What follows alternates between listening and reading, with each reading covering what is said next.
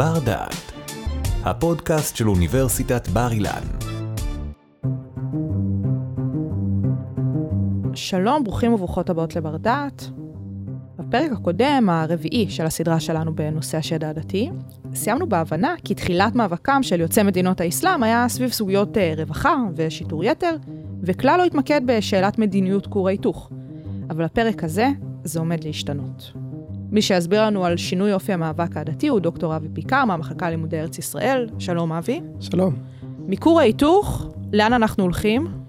אנחנו הולכים uh, בצעד גדול עם כמה צעדים באמצע ל- לרב תרבותיות. Uh, מושג שנטבע מאוחר יותר, אולי בשנות ה-70 וה-80 דיברו על פלורליזם.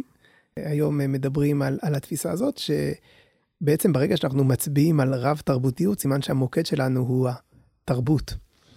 ולמעשה זה תהליך שכן, אי אפשר להצביע על נקודה מסוימת. אנחנו רואים שבמקביל לחלק מהמחאות שהזכרת קודם, שהיו מחאות על משאבים, נוצרים, נוצרות תופעות שמצביעות על רצון לשנות לא רק את חלוקת המשאבים, אלא גם את הזהות, או להשפיע על איך תיראה אה, הזהות שלנו. בגדול, אם מי שילך לפרק הראשון שלנו, שבו דיברנו על הסדר הקולוניאלי, על התפיסה שהתרבות האירופאית עדיפה, אז לכאורה אין בכלל מקום לדבר כזה. כי השאלה יש היא... תרבות אחת, יש תרבות אחת נכונה, הולכים. שהיא הקדמה, ואנחנו מדרגים את הקבוצות השונות בכמה הן מתקדמות, וכולם רוצים להתקדם. ולכן אפשר למחות על חוסר שוויון במשאבים, אבל שאלת התרבות לא רלוונטית. אבל התפיסה של הסדר הקולוניאלי היא תפיסה שנובעת מהמודרניות.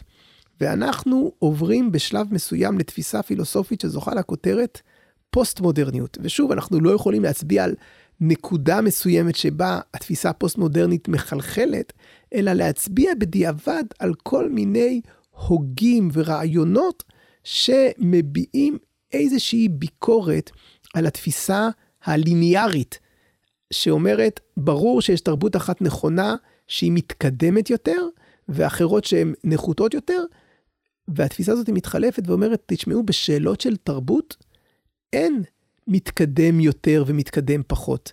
יש לנו כאן יחסיות תרבותית. לכל אחד יש את התרבות שלו. זה משתלב עם עוד תפיסת עולם מרכזית בהגות הפוסט-מודרנית, שאומרת, אנחנו לא יכולים להגיד בבטחה מהי האמת ומהו הנכון, מכיוון שהתפיסה והניתוח שלנו של האמת והנכון מושפעת מתפיסות עולם שלנו, מהתרבות שלנו, מהרקע שלנו.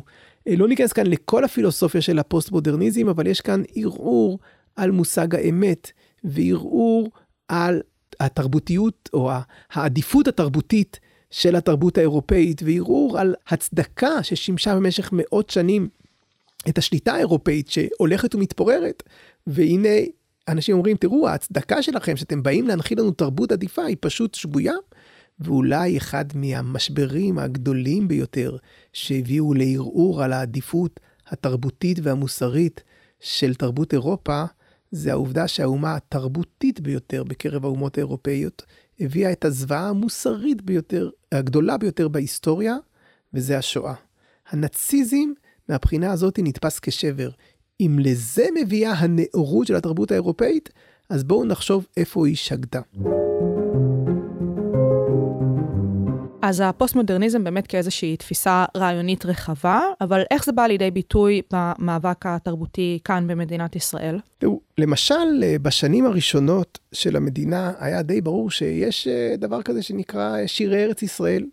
זאת המוזיקה המרכזית, הרשמית, אה, יש אה, כל שנה פסטיבל, הזמר והפזמון, ובשוליים, בגלל השמרנות והזהות הדתית, הייתה שעה ברדיו פעם בשבוע של אה, מוזיקה דתית אה, מזרחית, ליטורגית, פיוט, ואולי פעם בשבוע גם חזנות של מוזיקה אה, דתית אשכנזית. אבל היה ברור שבבית הספר לומדים את המוזיקה החדשה. אולי אני אוסיף בסוגריים, דיברנו באחד הפרקים הקודמים שהיהודים הארץ ישראלים מנסים להבדיל את עצמם מהיהודים הגלותיים. הדברים האלה באו לידי ביטוי גם בתחום האומנות, אם זה בפיסול של יהודים תימנים בבצלאל, אם זה בלבוש של אנשי השומר כערבים, ואם זה במוזיקה הארץ ישראלית, שלא בגלל היהודים המזרחים, אלא בגלל הרצון להתבדל מהיהודים אה, באירופה. באירופה, אה, מדברים על להכניס אלמנטים מקומיים. אבל עם השנים התרחקו מהתפיסה הזאת, כי הצברים כבר היו כל כך רחוקים מהיהודים הגלותיים שהם לא הרגישו צורך להדגיש את זה. הערביות והמוזיקה הערבית היא מוזיקת האויב.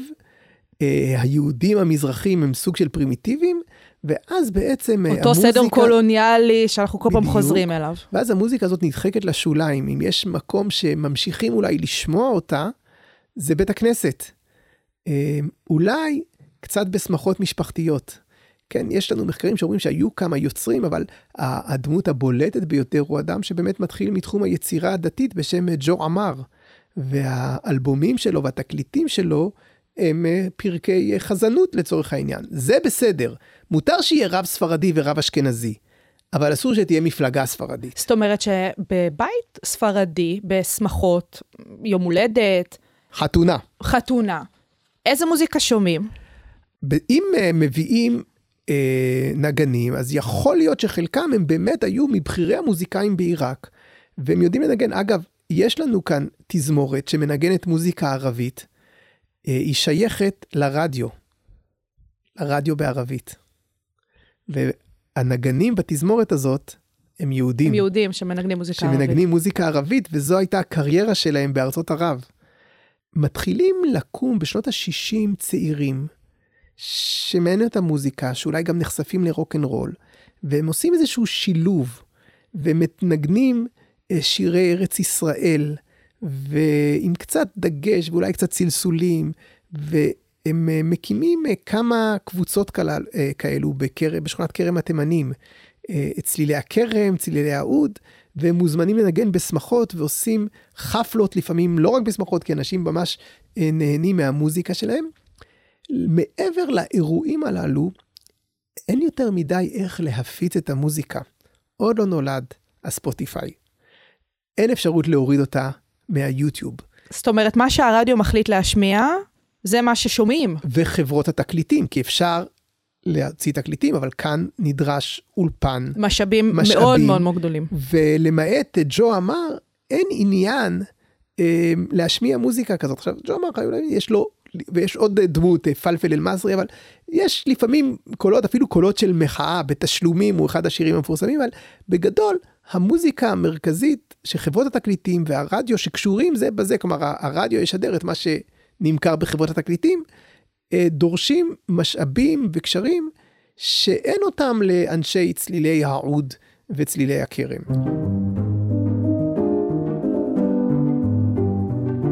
מתי הכל משתנה? מתי הסיפור הזה של מוזיקה מזרחית כבר באמת נכנס לנו למיינסטרים? איך זה מתחיל? טכנולוגיה. אה, בשנות ה-70, המצאה חדשה. מתברר שלא צריך אולפן גדול ומשאבים גדולים כדי להקליט מוזיקה. יש מכשיר קטן, בהתחלה זה סלילים ואחרי זה מכניסים את הסלילים לקופסה קטנה שנקראת קסטה, שבעצם מאפשרת להקליט מכל מקום, בכל מקום.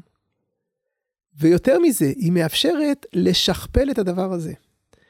אחד הסיפורים המיתולוגיים אה, מספר על אה, שני אחים שהיה להם באמת אה, את המערכת הזאת, אחד מהם אה, התחתן. החתונה הייתה בעיצומה של מלחמת יום כיפור. הר השני הקליט את החתונה ואת התזמורת, אבל הרבה מאוד מהחברים ומהקרובים ולא היו, כי הם, כי הם היו מגויסים, היו מגויסים חצי שנה. ואז את ההקלטה הוא העביר, ואנשים שמעו והעבירו ביניהם ושכפלו אותה, כי נורא פשוט uh, לשכפל, אומנם עוד אין עדיין את הדאבל קסט, אבל עדיין זה יותר פשוט ממה שהיה בעבר, והמיתולוגיה אומרת, זאת הייתה אה, הנקודה. בעצם הטכנולוגיה הזאת שמאפשרת הקלטה, מאפשרת להשמיע קול שלא דרך הערוצים המרכזיים, לא דרך הרדיו שיש לו תחנה אחת ואחרי זה עוד תחנה, הגל הקל, זאת הייתה רשת ב', ולא דרך חברות התקליטים. ובעצם אפשר ליצור קלטות כאלה, וקמים אנשים שיודעים לשיר, קמים בעיקר המרגנים שיודעים להפיץ אותם, הם מקליטים בתנאים ביתיים. באיזה שנים אנחנו מדברים? אנחנו מדברים על אמצע שנות ה-70. Mm-hmm. דיברנו על מלחמת יום כיפור, אנחנו מדברים על קצת, על אמצע שנות ה-70, סוף שנות ה-70. עכשיו, עדיין לא משמיעים אותם ברדיו.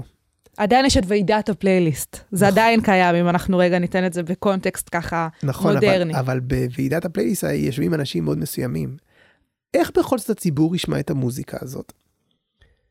איזה מקום בישראל עוברים בו הכי הרבה אנשים ביממה? תחנה המרכזית בתל אביב. בכל זאת תחבורה ציבורית. ומה שעושים, ויש רק תחנה אחת. ומה שעושים האמרגנים זה שחנויות שמשמיעות בקול רם את הקסטות החדשות, ובעצם הם מצליחים לעקוף את ערוצי השיווק הממוסדים וליצור צמיחה מאוד גדולה של מוזיקה כזאת. אני אגיד בשוליים, כבר ב-1971 קמה איזושהי טרוניה שלא מש... מספיק משמיעים את המוזיקה הזאת, והיא לא חלק למשל מהפסטיבל המרכזי של הערוצים המרכזיים, פסטיבל הזמר והפזמון שמשודר ביום העצמאות. וקמה יוזמה של מנהל השידורים בערבית להשמיע מוזיקה מזרחית, זה נקרא אה, פסטיבל למנצח שיר מזמור, הוא משודר בהתחלה בטלוויזיה בשעות השידור בערבית.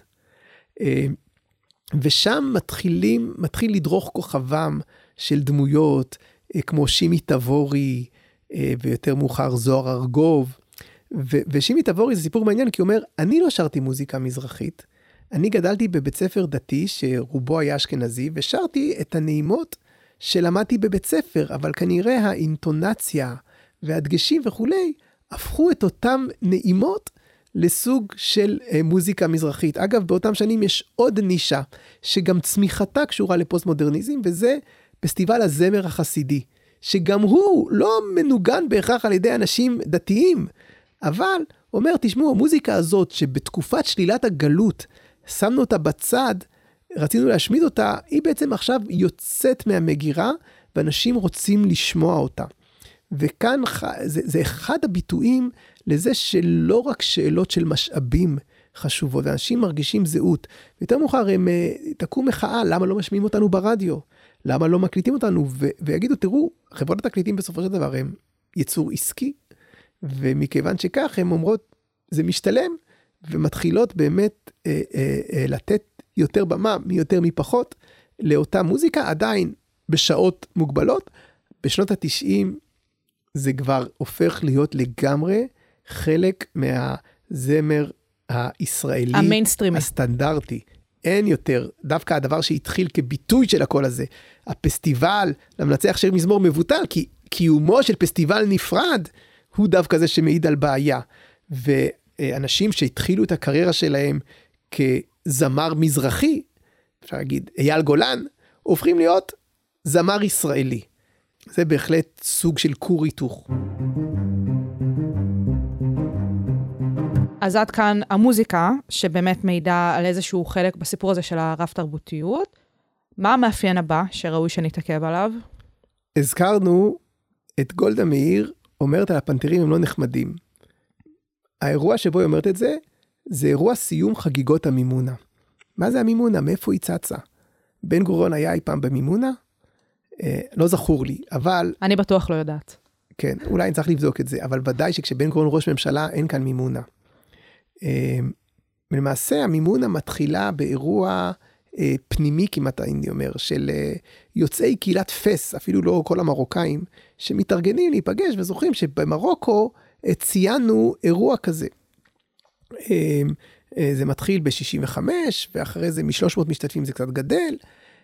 ב-67 במידה לא מבוטלת בעקבות הניצחון במלחמת ששת הימים זה הופך להיות אירוע גדול ולאט לאט האירוע הזה צובר תהודה ותאוצה. גופים, בדרך כלל אה, נקרא לזה ממסדיים, אבל המרוקאים שבממסד, הזכרנו את שאול בן שמחון, מטפחים את זה, ממסדים את זה, הופכים את זה אה, להיות אירוע גדול, כי הם אומרים, ראו אותנו אה, כאנשים שבצד, שצריכים להשתלב בישראליות, אנחנו באים ורוצים אה, להראות לכם שיש לנו גם מה להגיד, אנחנו לא חושבים שהמיזוג גלויות דורש למחוק, יש לנו פה אה, דברים מאוד יפים. מה ו... בעצם מהווה את ההכרה באירוע הזה מבחינה באמת אה, תרבותית לאומית? אז א', באמת בשלבים הראשונים, אה, ראשי המדינה, הנשיא שזר, אומרים, בואו נכבד את המרוקאים האלה ונבוא לבקר במימונה ועושים לו כבוד גדול. אבל עשר שנים מאוחר יותר, אם זה ב-71 בא הנשיא שזר, ב-81 בא שמעון פרס, מועמד לראשות הממשלה, וכאן פתאום אנחנו חושבים שהתפקידים מתחלפים.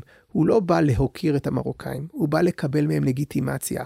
הוא בא לקבל מהם את הסטמפה שהוא לא איזה סנוב אשכנזי שלא סופר את המזרחים. מה שנקרא, מי שלא שם לא קיים.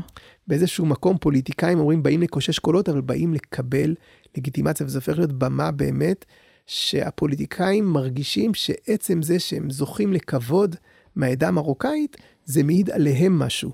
הם לא אלה שנותנים את הכבוד, הם אלה שצריכים לקבל את ההכרה וההוקרה, והמימונה הופך להיות מחג מרוקאי שולי לחג כלל ישראלי, שהרדיו מוקדש לזה, שיש שם אירועים מרכזיים ברחבי אה, אה, אה, מאות אלפי משתתפים, ובאמת האירוע הזה צומח להיות חגיגה. אחד הדברים המעניינים, שבשנות ה-80, יש לעובדי מדינה יום בחירה, יום שהם יכולים לבחור בחופש, היה יום בחירה ב-1 במאי, חג הפועלים.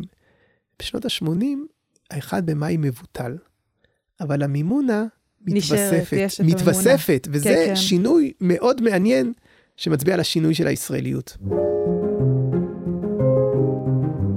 מוזיקה, מימונה, ואני רוצה כן ללכת טיפה אחורה לפרקים הקודמים שהקלטנו בסדרה שלנו. לאורך כמעט כולם דיברנו על הסיפור הזה של חינוך. אם דיברנו אפילו על אה, בתי הספר של אליאנס, אה, ואם דיברנו על הסיפור של אה, כור ההיתוך, והעניין של טעוני הטיפוח, מה קורה בהקשר של רב-תרבותיות? איך החינוך משתלב בתפיסה הזאת? אולי נלך צעד אחד אחורה. השאלה שמטרידה באמת שאלת החינוך היא שאלת הפערים. ובסוף שנות ה-60, שנות ה-70, נולדת תוכנית שאומרת, אנחנו לא צריכים לתת איזשהו טיפוח נפרד, אנחנו צריכים לשלב את האוכלוסיות. ונולדת תוכנית שנקראת האינטגרציה, שאומרת, אנחנו בגילאי חטיבת הביניים ניקח אוכלוסיות ממקומות שונים ונשלב אותם ביחד, ואז נגיע, נביא את כולם להישגים דומים, וגם, וזה מאוד חשוב, וזה יתעורר בעקבות מחאת הפנתרים, נמנע את הניכור, את חוסר ההיכרות אחד של השני.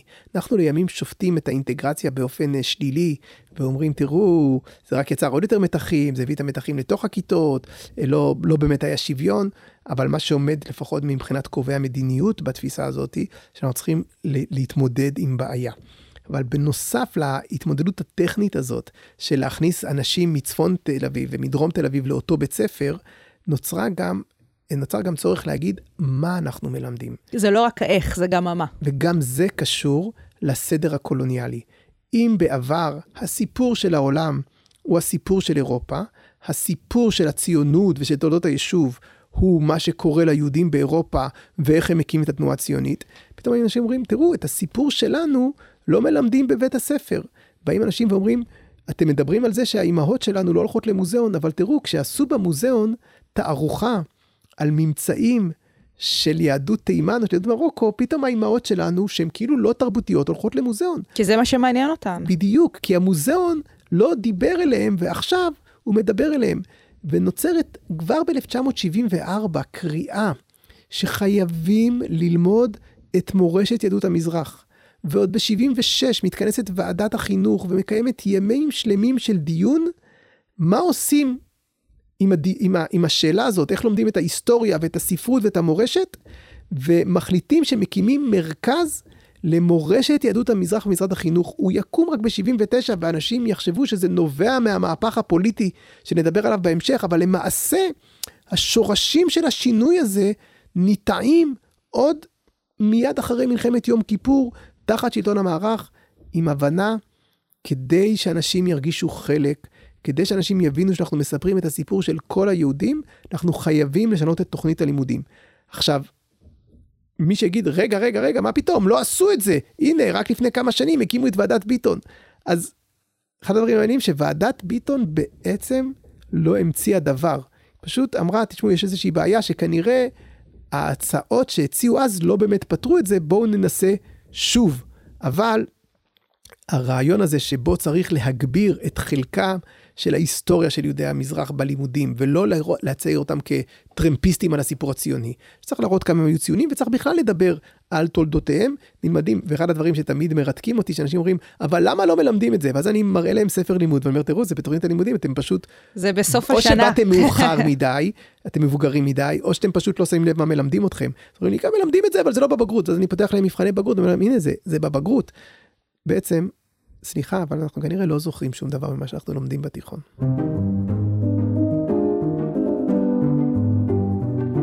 מוזיקה, מימונה, חינוך, ומעל לכל הדברים האלה בסופו של דבר אמורים להיות פוליטיקאים, שהם אלה שקובעים את המדיניות, והם אלה שבעצם בסופו של דבר אה, אחראים על ההשתלשלות של כל האירועים האלה, אבל זה לא רק העניין של איך הם מקבלים את ההחלטות, זה גם באמת העניין של מי הם.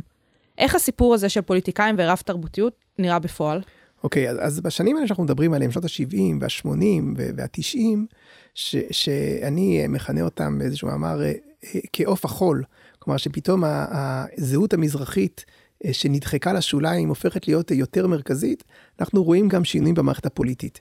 לפעמים אנחנו לא כך יודעים להצביע מה הביצה ומה התרנגולת. האם השינויים במערכת הפוליטית ועליית הליכוד לשלטון הובילו את השינויים במקומה של התרבות המזרחית, או ההפך. אז אני הראיתי את הדוגמאות שבהם ציינתי גם על המוזיקה וגם על המימונה, ואפילו על תוכנית הלימודים שכולם מתחילים לפני 1977. אבל אין ספק ש-1977 נותנת תחושה לאנשים אה, שהרגישו שהם בשוליים של המפה הפוליטית, שהם יותר מרכזיים. עכשיו, חשוב לציין, וגם זה קצת נובע מזה שאנחנו מסתכלים על ההיסטוריה מההווה אל העבר. בחירות 1977, שבהם הליכוד עולה לשלטון, השאלה הדתית לא מוזכרת בכלל. כסוגיה, כסוגיית בחירות. כסוגיה, והזהות שקיימת בין המזרחים לבין הליכוד, היא זהות שמתבררת בדיעבד באופן סטטיסטי. היא לא משהו מובהק. אבל במהלך ארבע שנים הליכוד שולט אה, חלקים גדולים מרגישים שהלכה להם המדינה, אה, שאולי, אה, ואחרים מרגישים שוואו, אם הליכוד לא יחזור לשלטון זה יראה אפיזודה וקצרה, ואני זוכר כילד שמישהו אמר לי, תשמע, אתה תוכל לספר לנכדים שלך שחיית בארבע שנים הבודדות שבהם הליכוד היה בשלטון. וב-1981, השאלה הדתית הופכת להיות בהם מרכזית, באיזשהו מקום, אולי קצת בדיעבד. כלומר, יש באמת... אה, הפרעות קשות ומחאות קשות ותחושות קשות. כמובן, נאום הצ'חצ'חים, שבין היתר היה סימפטום של העניין. אבל עוד לפני כן, יש תחושות קשות של תומכי ליכוד אה, באירועים של אה, המערך, מפלגת העבודה, והם מוחים בבוטות, ואז המערך מצייר את, ה, אה, אה, את אנשי הליכוד כאנשים נחותים, קולניים, ברברים. אה, שמעון פרס מתייחס לביטוי חומניזם, ואומר אנחנו לא רוצים אה, להגיע לשם. ומנגד מנחם בגין אומר, אנחנו בעצם מייצגים את העם. השיא באמת מגיע לידי ביטוי שלושה ימים לפני הבחירות, כאשר בשולי אספת הבחירות של המערך עומד בדרן בשם דודו טופז, ושומע את השירה בציבור של שירי ארץ ישראל, זה מחזיר אותנו למוזיקה, שושנה, שושנה, וכל שאר השירים הקלאסיים, ואומר, איזה יופי להיות פה, כאן עומד החלק היפה של העם הזה, ואז הוא מוסיף את הביטוי, אה, ולא כמו הצ'חצ'חים של הליכוד. אה, מחרת אה, בגין, אני לא יודע אם כמוצא שלל רב, אבל לוקח את הביטוי הזה ואומר, ככה מדברים אנשי המערך? אני אגיד לכם מי זה עדות המזרח, ואז הוא חוזר למחתרת ולהתאבדות המשותפת של ברזני ופיינשטיין, ואומר, מי במחתרת? ששוב, רוב האנשים שיושבים שם בקהל לא היו במחתרת ולא משפחתם מהמחתרת, אבל אלה האתוסים שעליהם בגין גדל והחבורה הקרובה סביבו, ואומר, מי במחתרת בכלל שם לב להבדלים בין ספרדים לאשכנזים? והמערכת הזאת הופכת להיות מאוד בוטה, וכש... מתבררים תוצאות הבחירות, למחרת רואים ששתי המפלגות השיגו הישג מאוד גדול, הם כמעט ביחד 100 מנדטים. וממש מתחרות, מה שנקרא neck to neck. אבל החלוקה העדתית של המצביעים ברורה הרבה יותר. שיעור המזרחים בקרב מצביעי הליכוד הוא הרוב המוחלט, ושיעור האשכנזים בקרב מצביעי העבודה הוא הרוב המוחלט, ובאיזשהו מקום המפלגות הופכות להיות עדתיות. אבל חשוב לראות עוד משהו שקורה, קצת אחרי מערכת הבחירות הזאת. תמיד היו נציגים במפלגות הגדולות והקטנות, במפלגות הוותיקות, נציגים ספרדים. אפילו בכנסת השלישית יש איש העלייה המונית, פריג'ה זוארץ, חבר המפד"ל. אבל בהנהגה של המפלגות הגדולות, הם לא נמצאים. ב-1983 מנחם בגין מתפטר, ודמות שמתחילה באמת מהשוליים כעולה עלייה המונית, איש בית שאן, שמבקיע את דרכו מעלה-מעלה במעלה הליכוד ומתקנא לתפקידים בכירים בממשלה, אומר, אני היורש של מנחם בגין. לאיש הזה קוראים דוד לוי, וזו תופעה מפתיעה. במקביל, דמות קצת אחרת, מוכרת, כיהנה בתפקידים חשובים, גם בשירות החוץ, גם כמזכיר אישי של בן גוריון, איש ותיק בארץ, לא עולה חדש, איש העדה הספרדית בשם יצחק נבון, דמות מרשימה לכל הדעות, מתמנה לתפקיד סמלי ב-1978, תפקיד נשיא המדינה. הוא אדם צעיר, בדרך כלל נשיא המדינה מגיע אדם מבוגר, הוא אדם צעיר ושהוא מסיים את הקדנציה בת חמש השנים כנשיא המדינה, הוא חוזר למערכת הפוליטית. עכשיו הוא כל כך פופולרי, כי נשיא מדינה פופולרי, ואז עולה שמו כיושב ראש המערך ומועמדה לראשות הממשלה, במקום שמעון פרס. בסופו של דבר אין התמודדות, ויצחק נבון אה, מוותר לשמעון פרס, לא ניכנס עכשיו למה, אבל העובדה שבשתי המפלגות הגדולות, שתי דמויות שלא אשכנזים. פחות מ-30 אה, שנים מהקמת המדינה. כן. אה, אז שוב, אנחנו מדברים על שנות ה-80, זה קצת יותר מ-30 שנים, אבל, אבל נבון הוא נשיא ממש בשנת ה-30, וכן, כמה שנים אחרי זה, ב-83 ו-84, דוד לוי ויצחק נבון הם מראשי... דמויות לגיטימיות בראשות המדינה. המפלגות הגדולות ש, שבדיוק, ששמם הוזכר בהקשר הזה. אה, משהו שאולי לא עלה על הדעת, ואני מנסה לחשוב אם בארצות הגירה אחרות, צאצאי מהגרים יכלו תוך 30 שנה מההגירה להפוך להיות מועמדים. אולי היום, אנחנו נשים על אה, ראש ממשלת בריטניה, אבל אני גם כן לא חושב, לא מדובר על 30 שנה אחרי ההגירה, אלא הרבה יותר. במקביל אנחנו רואים עוד תופעה מעניינת במערכת הפוליטית. בשנות היישוב, היה לנו ייצוג של מפלגות עדתיות שייצגו קבוצה, מפלגת הספרדים ומפלגת התימנים. והייצוג הזה זלג גם לתוככי שנות המדינה, ובכנסת הראשונה והשנייה יש לנו ייצוג הולך ופוחת של אותן מפלגות, ואז הן נעלמות לגמרי. ובכל מערכת בחירות מתמודדות מפלגות שבדיעבד מגדירים אותן כמפלגות הדתיות, והן לא עוברות את אחוז החסימה. הזכרנו את המפלגה של מקים אירועי ואדי סאליב, הזכרנו את המפלגה של אנשי הפנדרים השחורים. ב-1981 פורש בכיר במפד"ל בשם אהרון אבוחצירא, מצרף אליו בכיר לשעבר אה, במערך, ומקים מפלגה שנקראת תנועת מסורת ישראל, שברור לכולם שמדובר, ומדברים על זה, שתנועה שבאה להרים את קומתם של המזרחים. והסיסמה היא בקומה זקופה. וזה מסתדר עם הפוסט-מודרניות, שבעצם אומר, לא חייבים כולם להתיישר על פי מודל אחד. הדבר שפעם זלזלו בו, המסורת שלנו, אנחנו גאים בה. ותנועת תמי זוכה בשלוש מנדטים. היום זה לא יעבור את אחוז החסימה, אבל אז זה בהחלט הישג אה, ניכר, ומוקמים סניפים שלה ונציגים שלה בעיריות. היא תתמודד עוד פעם אחת, ותקבל רק מנדט אחד, שיספיק להכניס רק את אהרון אבוחצירא לכנסת. אבל עצם הרעיון שמתחיל ב-1981, אה, עולה, ילך ויתגבר. ב-1984 פורש פלג של אגודת ישראל, של המפלגה החרדית, שמייצג את החרדים הספרדים, שהם באמת קבוצה קטנה בציבור, וזוכה לארבעה מנדטים, בין השאר בגלל שרובם באו על חשבון אגודת ישראל החרדית. אבל לתנועה הזאת, שאנחנו מכירים אותה עד היום, יש המשכיות מפתיעה. אגודת ישראל בסופו של דבר מתאגדת או צוברת את כוחותיה בעצמה, אבל תנועת ש"ס ממשיכה, ואז היא פונה לא רק לציבור החרדי הספרדי, היא בעצם פונה לציבור מסורתי ספרדי ואומרת, הבעיה שלכם הייתה שזלזלו בזהות שלכם. ואנחנו באים כמפלגה דתית, אבל אנחנו בעצם מדגישים את הזהות שלכם, אומרים, תהיו גאים בה. והיא מצליחה לצבור תמיכה הרבה מעבר לחוגים חרדים. במקביל, כלומר, שוב, הביצה והתרנגולת, בגלל הכוח הפוליטי הרב שלה, היא מצליחה ליצור רשתות חברתיות גדולות שהופכות חלק גדול מהתומכים שלא היו חרדים, לסוג של חרדים, הילדים נשלחים לבתי ספר, נמצאים באיזשהו מקום באמצע הדרך בין ציבור אה, העובדים המזרחי לבין הציבור החרדי של יושב ולומד ולא עובד, אבל, אבל בעצם מוטת הכנפיים של אותה מפלגה חרדית היא הרבה יותר רחבה. אם בשנות ה-50 פחדו מחינוך דתי, בגלל, וה, והדתיים אמרו, הנה, בזכות הספרדים המחנה הדתי יגדל, זה לא קורה בשנות ה-50. אבל בשנות ה-90, כשש"ס צומחת לעשרה מנדטים, אחרי זה ל-17 מנדטים, בעצם מוגשת קרה הנקמה של כפיית החינוך החילוני ב-1950. מכור ההיתוך לרב תרבותיות גם בשדה הפוליטי.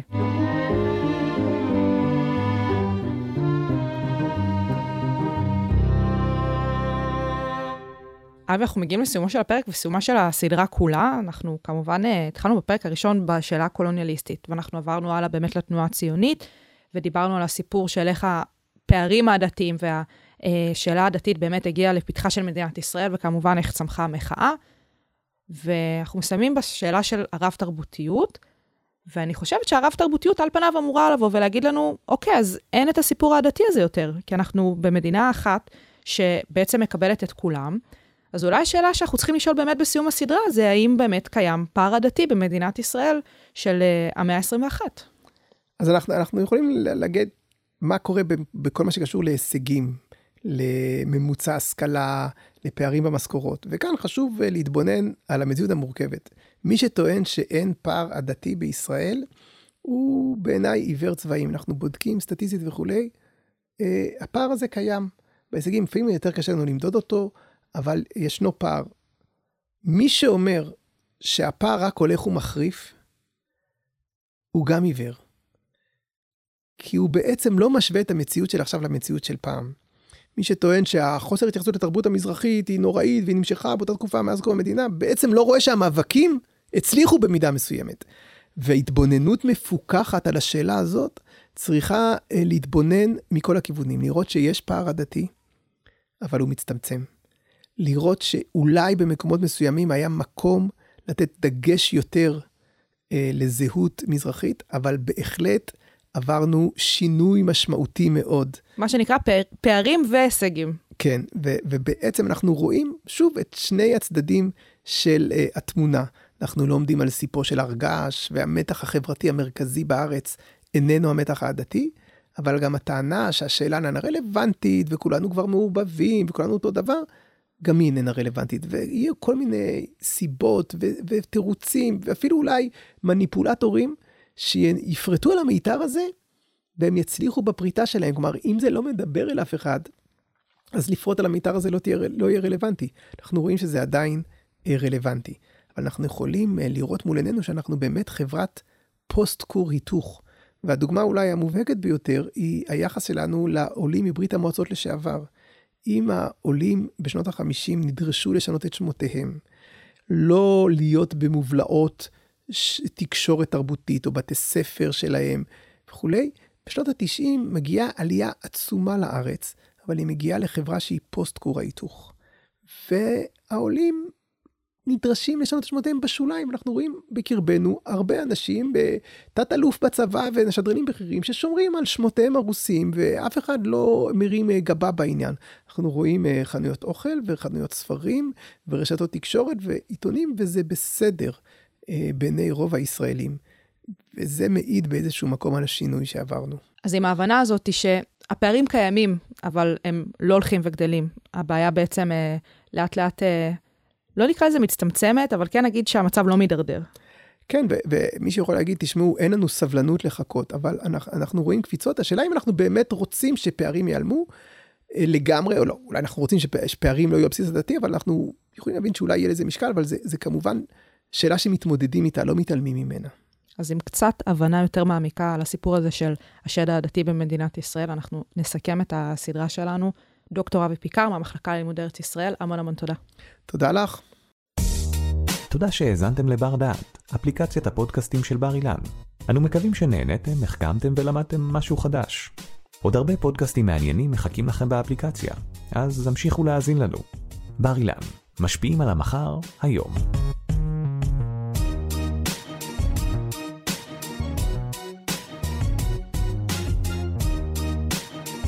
ערכה והפיקה שי קלוט.